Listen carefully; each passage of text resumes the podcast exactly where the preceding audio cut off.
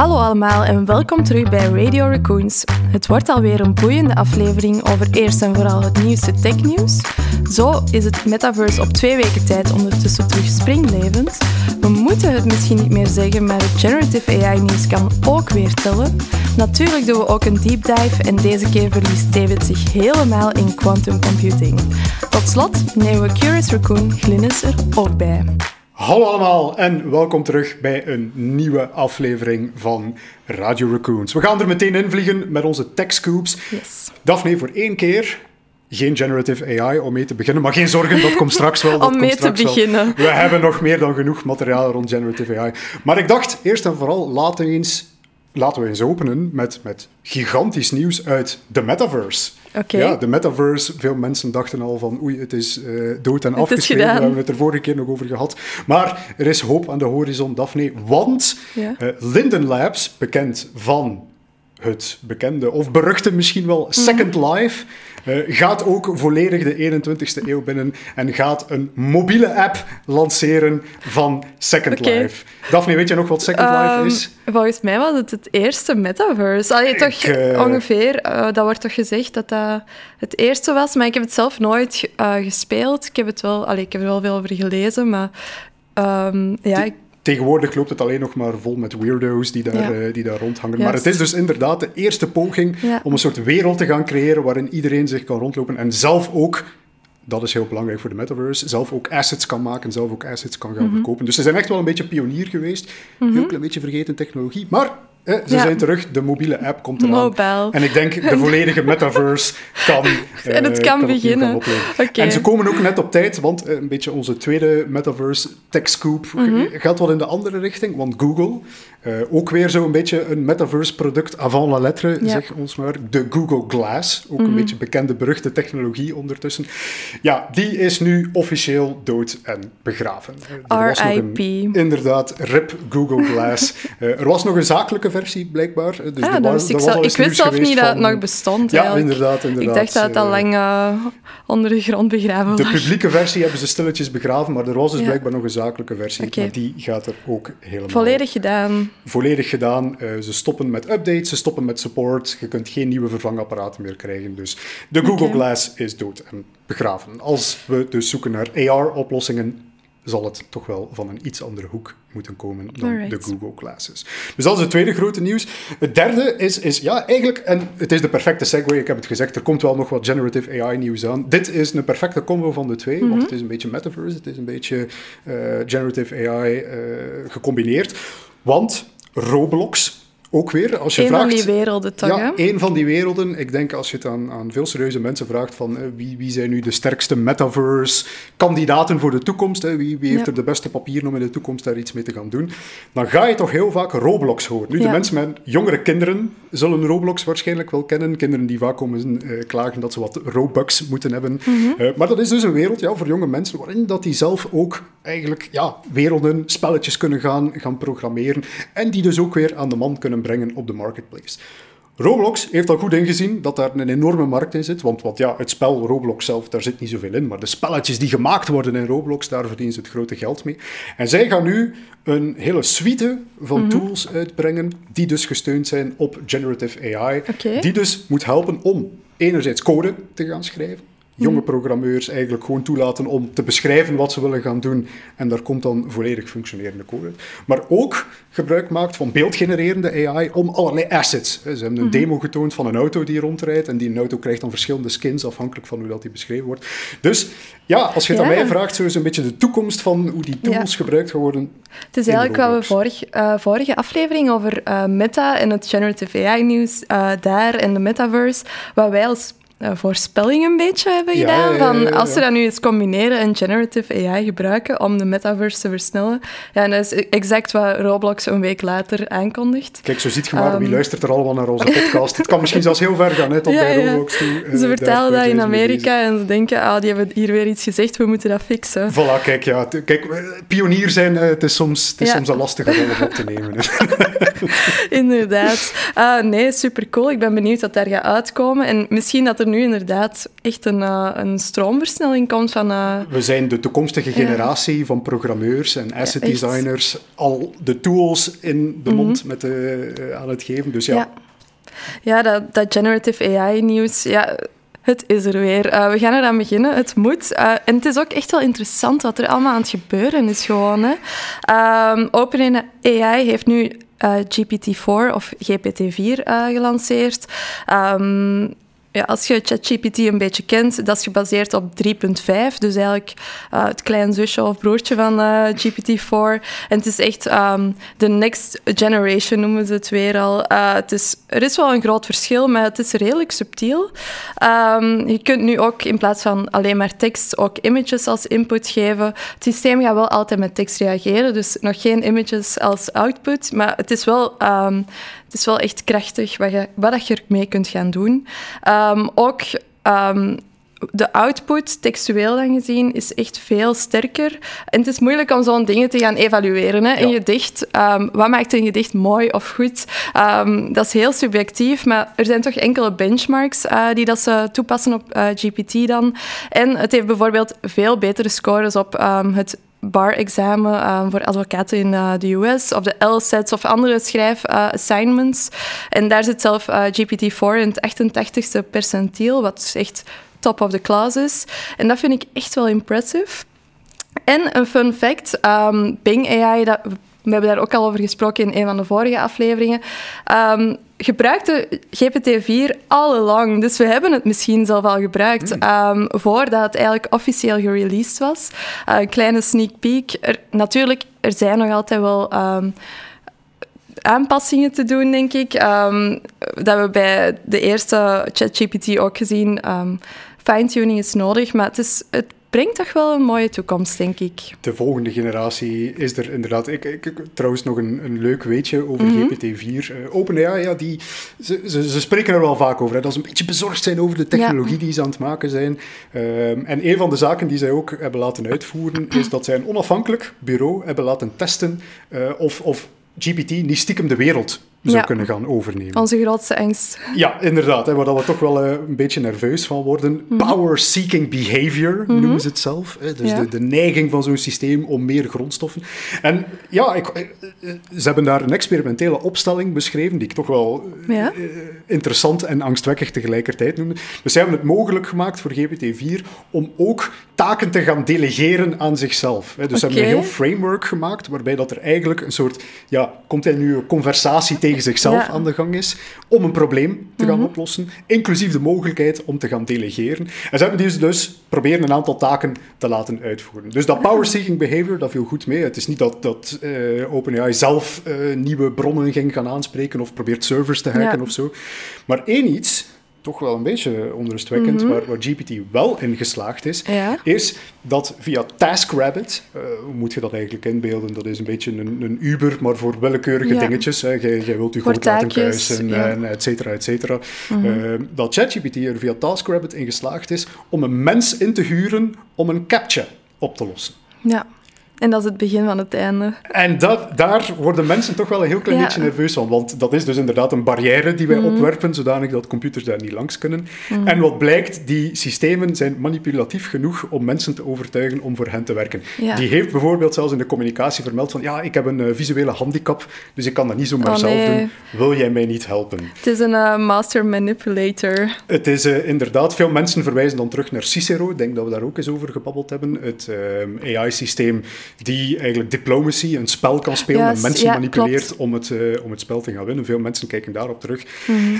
En beginnen toch weer een beetje schrik te krijgen voor de toekomst, lijkt mij. Maar mhm. het is dus nog niet voor nu. GPT-4 ehm, lijkt Tot nog relatief toe... veilig te zijn. Maar u weet... Ja. ja. ik denk dat het belangrijk is om te blijven testen op zo'n dingen. Hè. En ik vind het wel cool dat ze daar aan, al aan denken om, uh, om zo'n test op te zetten. Dus ja, um, ja super cool.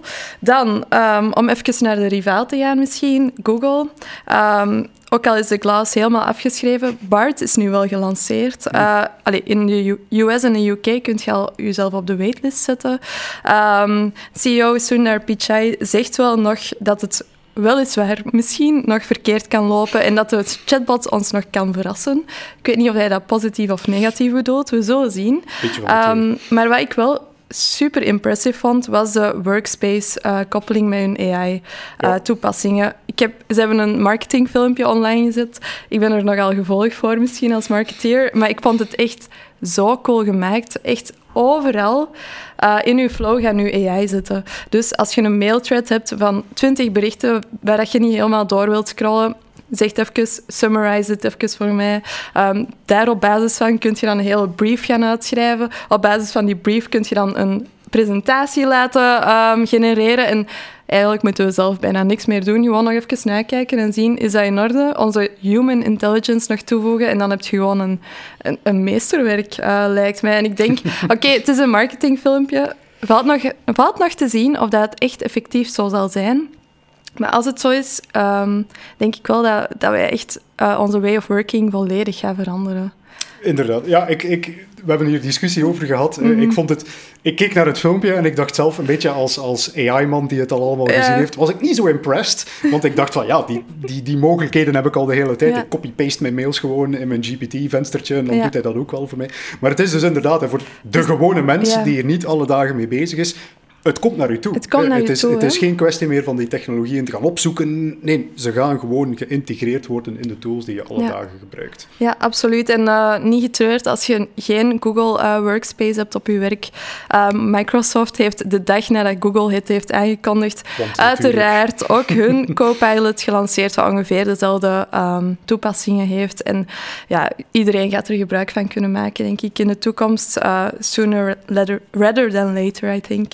Belangrijk misschien om te vermelden voor mensen die een beetje verward zijn. Copilot is ook de naam van hun codeassistent, maar ja. dat zijn ze dus van plan om helemaal open te breiden. En daar dus ook Office-integraties in te gaan steken enzovoort. Dus dat wordt echt wel een allesomvattend ding. U een echte Copilot ja, eigenlijk. absoluut. Wat, je, wat je doet van werk. Mm -hmm.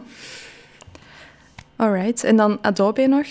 Um, hebben ook hun AI Image uh, Generator um, gelanceerd.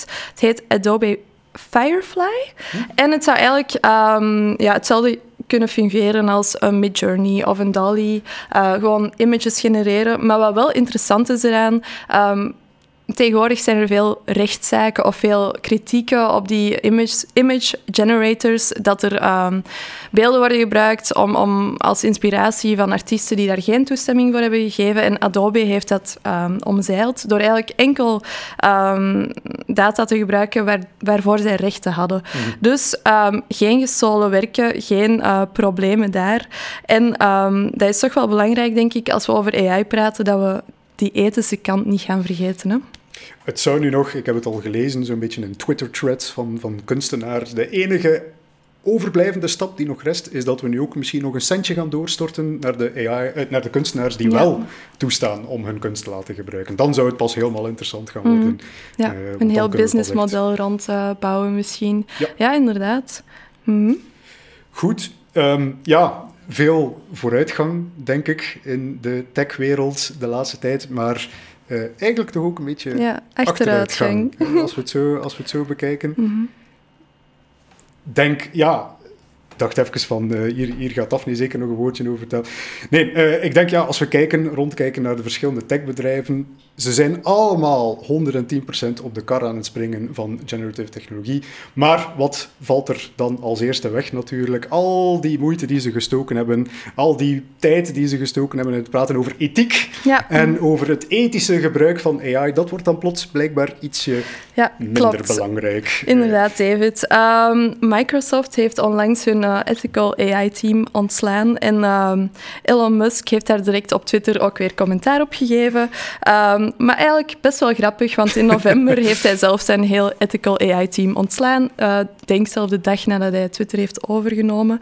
Um, dus ja, al die grote bedrijven zijn echt een beetje achteruitgang aan het maken misschien. Ergens misschien wel te begrijpen. Je wilt vooruitgaan in deze tijden. Het gaat razendsnel. En om ethisch bezig te zijn, moet je misschien wel je tijd nemen.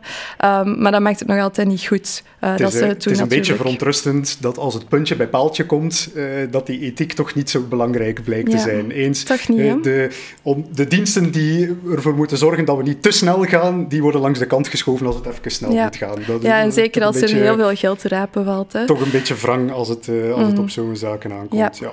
En dan onze vierde uh, techscoop. Um, nog één kleintje om uh, eruit te gaan. Um, vorige week hebben we gepraat over uh, Facebook en het Lama-model dat geleakt is. En mensen zijn er weer mee aan de slag gegaan. En deze keer waren het vrijgezellen die iets wilden doen aan hun Tinder-imago. Um, wat dat ze nu eigenlijk doen, is dat Lama-model dat geleakt is, gebruiken om hun profiel een beetje up te spicen. Uh, conversaties met matches iets vloeiender te laten verlopen. Ik weet niet of dat de success rate nu effectief veel beter is, maar het is wel interessant, want je zou kunnen zeggen, oké, dat kan ik even gewoon met ChatGPT doen. Uh, die kan ook wel wat tekstjes voor mij genereren. Maar het verschil is, omdat het een leaked algoritme is, zijn er die barrières die nu zijn ingebouwd in die ChatGPT, GPT-4, um, ehm, nog niet in place. Dus je hebt geen limitaties en eigenlijk kun je flirty zijn, zoveel dat je wilt. En uh, ja, dat vind ik echt wel zot. Um, dating gaan automatiseren, het kan blijkbaar. Voilà, voilà. Ik, ik vond het ook heel interessant. Er is onlangs een South Park aflevering mm uitgekomen, ook over ChatGPT.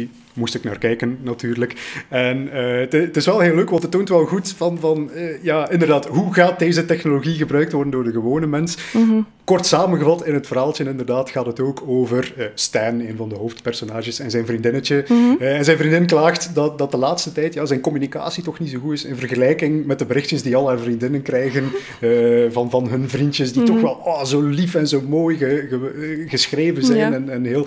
en wat blijkt dus natuurlijk, uh, dat al die vriendjes ChatGPT hebben leren kennen, ja. en die dat nu gewoon aan het gebruiken zijn om te antwoorden als mm -hmm. hun vriendin hun berichtjes. Dus eigenlijk was Stan de enige oprechte man.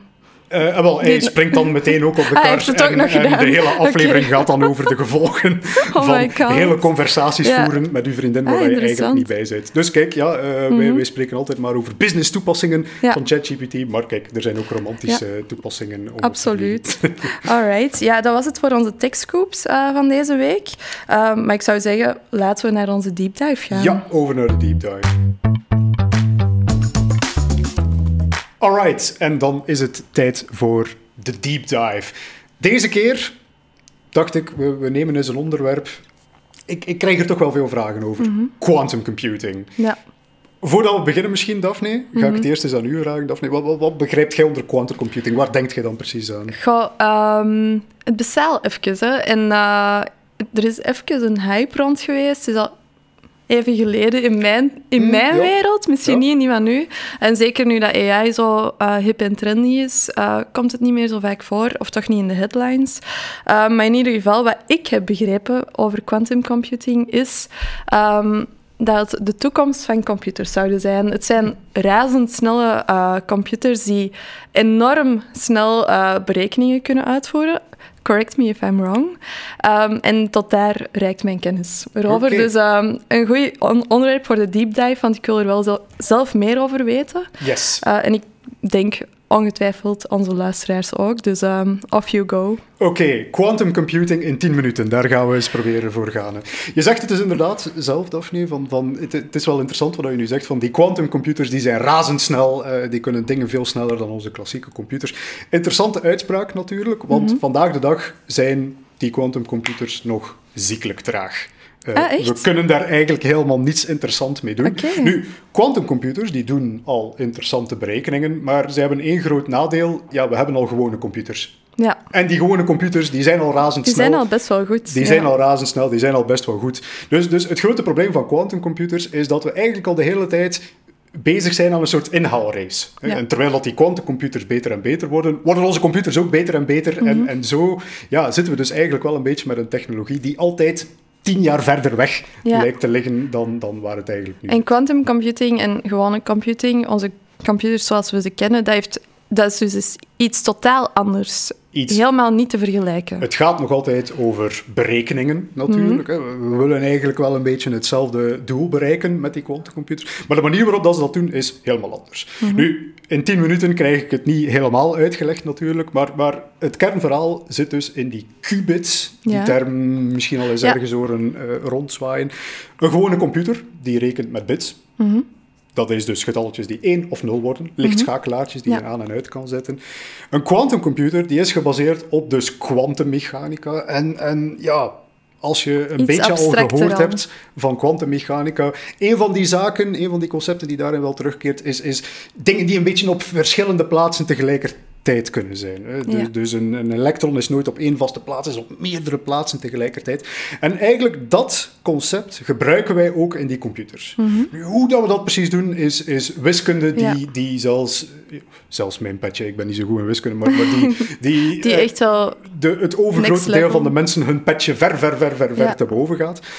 Maar eh, het belangrijkste daarmee is dus dat wij met behulp van die eigenschap, met behulp van het feit dat er niet één of nul, maar eigenlijk een beetje van alles kan zijn, dat wij daarmee bepaalde berekeningen, en, en hier zit wel een belangrijk eh, elementje in, bepaalde berekeningen sneller kunnen uitvoeren dan met een klassieke computer. Nu, ik zeg sneller uitvoeren, tegelijkertijd zeg ik van die computers zijn nog altijd trager dan de quantumcomputers zijn nog altijd Ja. trager dan onze eigen computers. Dus In theorie dan. wat is sneller Ja. dan eigenlijk precies? Wel, het komt er min of meer op neer dat we met quantumcomputers een wiskundig probleem, eventjes heel abstract bekeken, een wiskundig probleem in minder stappen kunnen oplossen dan met een klassieke computer. Ja. En vooral ook dat het aantal stappen die nodig is om een probleem op te lossen, minder snel groeit naarmate dat het probleem groter wordt. Je moet je proberen inbeelden, ehm, als ik u zou zeggen, eh, er is een klassiek probleem, het traveling salesman probleem, Ja. ooit van gehoord. Ja. Je bent een handelsreiziger en je moet van stad naar stad naar stad gaan. Eh, als ik u twee steden geef, gemakkelijk Ja. van A naar B en je bent klaar. Als ik u 100 steden geef, nee, ik ben al aan het overdrijven. Als ik u 30 steden geef, dan zou je misschien ook denken van, oh, dat, dat lukt mij uiteindelijk wel. Het is een beetje werk, een namiddagsje werken, een keer over nadenken en dat komt wel in orde. Wat blijkt, ehm, om dat probleem volledig op te lossen, om alle mogelijkheden te gaan bekijken, ehm, heeft een gewone computer meer jaren nodig dan het universum al bestaat. Miljarden, Echt? miljarden, miljarden jaren. dat is een wow. probleem die explodeert in complexiteit naarmate dat het probleem groter wordt Ja. op onze klassieke computers. Bepaalde algoritmes, bepaalde problemen kunnen we met die quantumcomputers in minder stappen, de stappen groeien minder snel dan dat we zouden gaan verwachten, met die quantumcomputers gaan oplossen. Dus dat is, dat is de grote belofte. Ja. Naarmate dat die computers sneller worden, dan gaan we daar veel sneller, veel grotere problemen mee kunnen oplossen dan met onze klassieke computers. Dat is de grote belofte. Dat is het quantum. idee van quantum computing. Ja. Dus als ik het goed begrijp, minder stappen, betekent dat dan ook minder energieverbruik? Of is dat, of is dat helemaal niet Uiteindelijk wel. Pas op, we zijn nog niet op het stadium dat we nu al beginnen nadenken over hoeveel energie verslinden die quantumcomputers. Je moet die Ja. afkoelen tot vlak boven nul, et Ah ja, cetera, et cetera.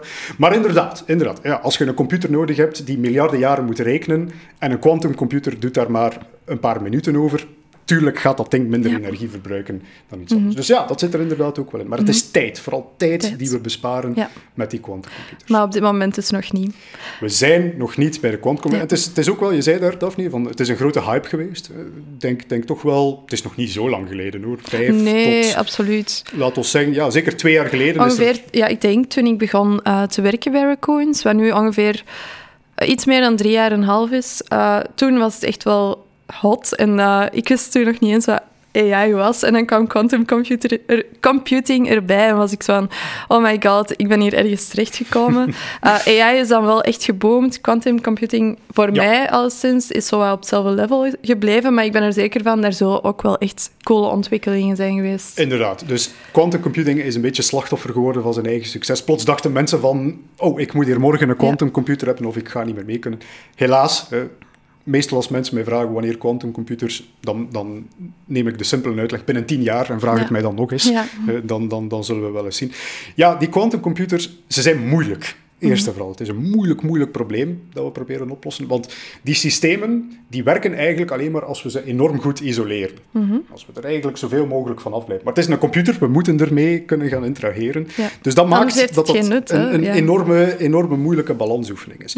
Dus ik wou nog één iets. Hè, dus we- er is van alles veranderd. Er zijn grotere en grotere quantumcomputers gebeurd. Maar er is zo één nieuwsitem die, die toch wel een beetje onder de radar is gevlogen, Mhm. Ja. vind ik, die, die, die best belangrijk is.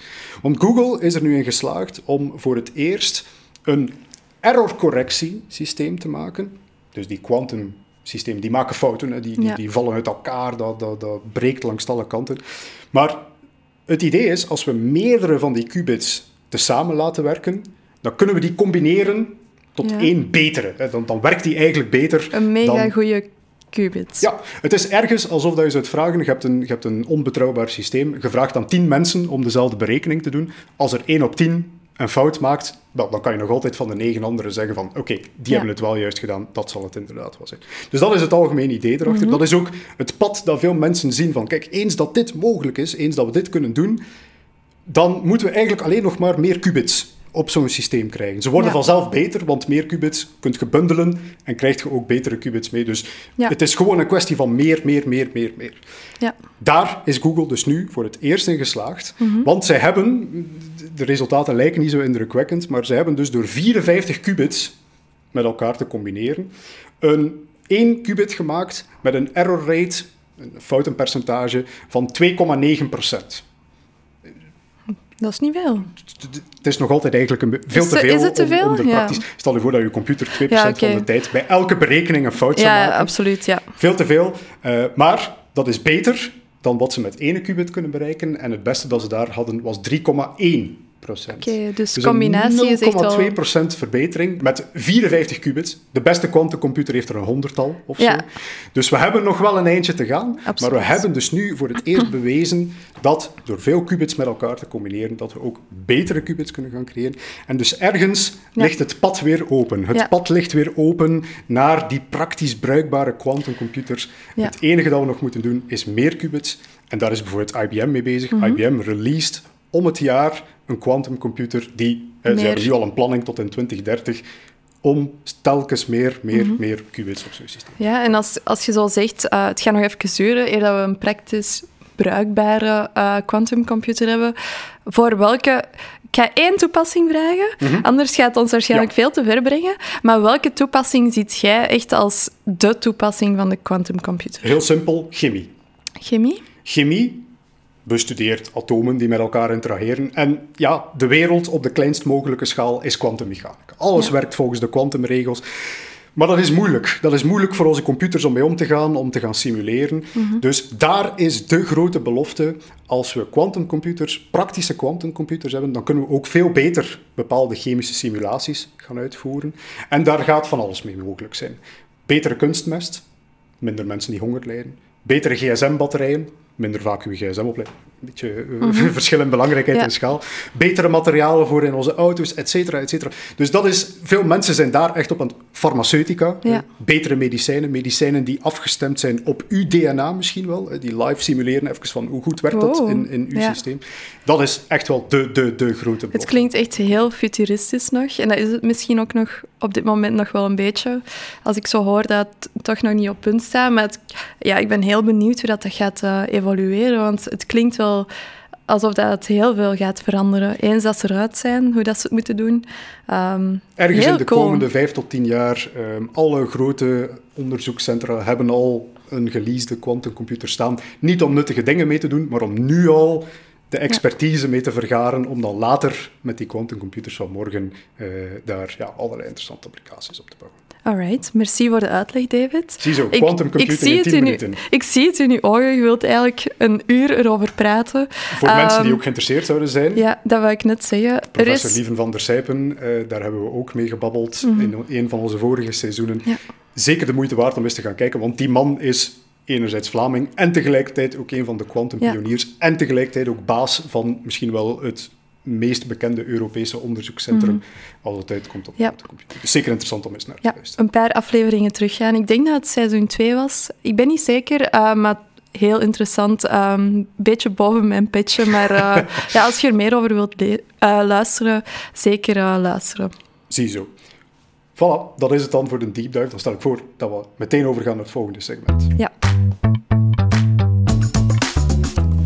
Alright, en dan zijn we hier voor het segment The Curious Raccoon. En ditmaal hebben we iemand in de studio, Klinisch Frans. Welkom en Ja. bedankt om tot hier te komen. Klinisch, zeg eens, jij hebt blijkbaar een vraag voor ons. Ja, uh, David en Daphne, dank u wel voor de uitnodiging vandaag voor jullie Curious Raccoon sectie. Um, ja, ik heb jullie een vraag gesteld en dat kadert vooral een beetje uit mijn achtergrond. Ik zal ja. misschien voor de luisteraars even schetsen. Um, ik ben apotheker van opleiding. Uh, ik ben via specialisaties terechtgekomen in het klinisch labo van UZ Leuven. Mm -hmm. um, voor de luisteraars die ook niet weten wat een klinisch labo is, wij analyseren alle bloed- en urinestalen, maar ook de COVID-wissers die afgenomen worden bij uw arts, bij uw specialist. En je kan je voorstellen, we genereren dus ook heel veel data van al die laboresultaten, mm -hmm. uh, zowel kwantitatief, maar ook kwalitatief, fotootjes van uh, celletjes bijvoorbeeld. En er is heel veel interesse bij ons om artificial intelligence te gaan gebruiken. En als ik mij niet vergis, in jullie, een van jullie eerste podcasts dit seizoen hebben jullie het al over AI in healthcare gehad. Dus Absoluut. Wij zijn, voilà, we zijn zeker dus niet de enige discipline, dus de klinische biologie, waarin er interesse is voor AI. Nu, wij artsen, apothekers of tandartsen, dus ik spreek een beetje voor iedereen die meer is geschoold is. We hebben al meerdere jaren universitaire opleiding gehad. Maar ik merk, iedereen is super geïnteresseerd in AI. Iedereen wil die toepassingen um, gebruiken. Maar eigenlijk zijn we daar niet voor voorbereid. We hebben daar geen opleidingen over gehad. Um, we zijn zeker geen IT'ers. Um, mm -hmm. Veel van ons kunnen niet programmeren. maar toch willen we dat gebruiken. En daarom mijn vraag aan jullie. Wat is eigenlijk minimale kennis die iemand nodig heeft om AI te gaan gebruiken in de praktijk? Um, mijn vraag kan dus denk ik ook doorgetrokken worden naar privésectoren. Absoluut. Um, waar ja. iedereen ook zo'n toepassingen en zeker ook niet-IT'ers uh, de opdracht krijgen om zoiets te implementeren. Mm -hmm. Dus daarom wat is de minimale opleiding die iemand nodig heeft over AI? Ik denk dat we al kunnen beginnen met te zeggen dat je zeker niet moet leren programmeren. Ja, dat, dat is, dat is misschien al belangrijk statement. om te beginnen. En misschien ook om te vermelden dat je zeker niet alleen bent in, nee. in die verzuchting. Ik denk dat dat overstijgt zelfs ook een beetje de, de medische sector. Ik denk iedereen die niet technisch is, ja, ja. wordt om ja. de oren geslaan met, met alles wat met AI te maken heeft en, en zit zich nu af te vragen van en wat moet ik nu doen, bij wijze van spreken? Hoe blijf ik nu eigenlijk uh, op de hoogte en mee met alles wat er eigenlijk aan het veranderen is? Ja, het is, het is een antwoord. Ik, ik, ik denk, je kunt er zelf een beetje in kiezen. Dat is misschien het goede nieuws. Ik, ik denk de, de eenvoudigste aanpak die je maar kunt hebben, is de afwachtende aanpak. Uh, ergens de wait-and-see approach, daar is helemaal niks mis mee. Want ik denk ook, uh, dat is iets dat we in bijna elke industrie aan het zien zijn, dat, dat AI aan het transformeren is van een technologie op zich, wij zijn ook een AI-dienstenbedrijf. Mensen vragen ons specifiek om AI-software te gaan bouwen. Maar dat wordt meer en meer ook ja, een heel gewoon onderdeel van computersoftware. Uh, als ik denk bijvoorbeeld aan de soort software die jullie uh, zouden gebruiken, patiëntendossiers, dat lijkt waarschijnlijk wel nee, iets daar, waar jullie dagdagelijks mee in contact komen.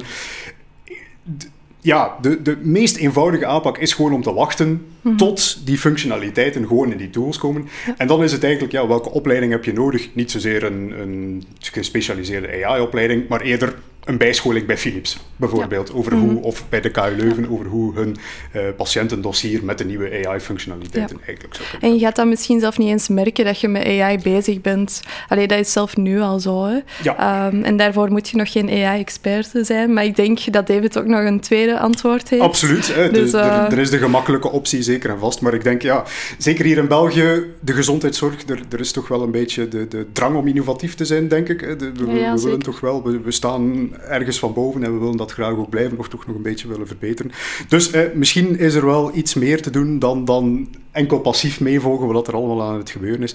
En dan ja, is, het, is het eigenlijk een beetje afhankelijk van hoe ver dat je wilt gaan. Natuurlijk, het meest extreme voorbeeld is leer programmeren, eh, volg een paar cursussen machine learning en, en ik zeg trouwens altijd tegen studenten van word geen programmeur. Word geen programmeur, ga geen programmeren gaan studeren, maar studeer iets anders en leer programmeren tussendoor. Want dan ga je eigenlijk, het zijn niet de programmeurs die rijk worden, maar het is een dokter die kan programmeren, die een nieuwe applicatie kan bouwen, die dan heel veel geld verdient. Uh, dat is typisch wat we, wat we zien gebeuren. Dus dat is het andere extreme. Maar ergens tussenin dus, waar, waar de meeste normale mensen uh, misschien een beetje willen leven, denk ik is er ook wel gewoon de optie van, um, ja, enerzijds een beetje zelf te gaan meevolgen het, het, internet staat vol met mensen. En dan is het een beetje een kwestie van zoeken. Iemand die dezelfde taal spreekt als jij. En, en daar uiteindelijk uh, daar een beetje de volger van worden en zien wat er allemaal meekomt. Maar ik denk, ja, een, een, het, is, het is natuurlijk ook commercieel interessant voor ons. We mogen dat wel een beetje af en toe een, een, een, commerciële plug doen. Maar ik zou ergens zeggen van, ja, praat met technische mensen. Ja. Bedrijven zoals wij, zoals Raccoons, wij zijn wanhopig op zoek naar wat wij noemen domeinexperten. Mensen die heel veel kennis hebben van een bepaalde industrie, die daar ja, weten hoe dat die processen in elkaar zitten. Wij zijn maar technologie-experts. Wij weten iets van technologie, maar mm. wij weten niet hoe dat de industrie in elkaar zit of hoe dat werkt. Dus we zijn altijd op zoek naar gesprekken, mogelijkheden om gesprekken aan te gaan met zo'n mm. mensen, omdat we dan het gevoel hebben van, hey, als we even met die mensen kunnen babbelen, wie weet kunnen we samen iets bedenken waarvan dat ja. alle twee iets hebben van, wauw, oké, dit mm. kan wel uh, een, een heel belangrijke applicatie worden. Onlangs hebben wij ook zo een, uh, een workshop gedaan met een klant, niet in de health sector, maar eigenlijk ook wel relevant Eigenlijk een AI Discovery Workshop van waar kan AI inklikken op jullie processen? En dan gingen we echt kijken van hoe zou het bedrijf er in de toekomst moeten uitzien? Wat zijn de mogelijke use cases van de toekomst? En hoe kan AI helpen om dat te versnellen of te verbeteren? En op die manier, inderdaad, zoals David zei, uh, heb je die domeinexperten, zoals jullie dat zijn eigenlijk, en heb je de AI-experten, en wij zijn dat. En op die manier gaat je tot een beter geheel komen dan dat je het allemaal alleen maar wilt gaan oplossen. En ik denk, um, door samen te werken gaan we echt zotte dingen kunnen bouwen en um, gaan we elkaar dingen kunnen leren. En dat is super interessant.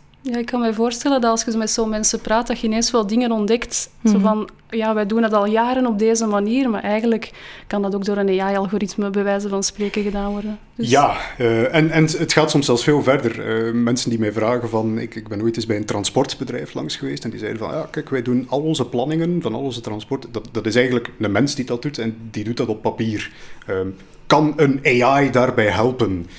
Maar mijn conclusie was van, ja, AI kan daarbij helpen, maar dit is AI van 30, 40 jaar geleden. De soort algoritmes die we toen uitdachten, planningsalgoritmes, dat noemen we vandaag al lang geen AI meer. Dat is gewoon een computersoftware. Mhm. Maar ja, die, die kan helpen. Dus hè, dan moet je, dat, dat is echt de waarde van, van zo in discussie te gaan. Wij kunnen wel weten van wat is er allemaal mogelijk met technologie, maar de context waarin dat het mhm. toegepast wordt, is soms iets helemaal, uh, helemaal anders. Dat Hopelijk beantwoordt dat uw vraag een beetje. Ja, zeker. Ja, ja. Heel interessant. Dank u wel.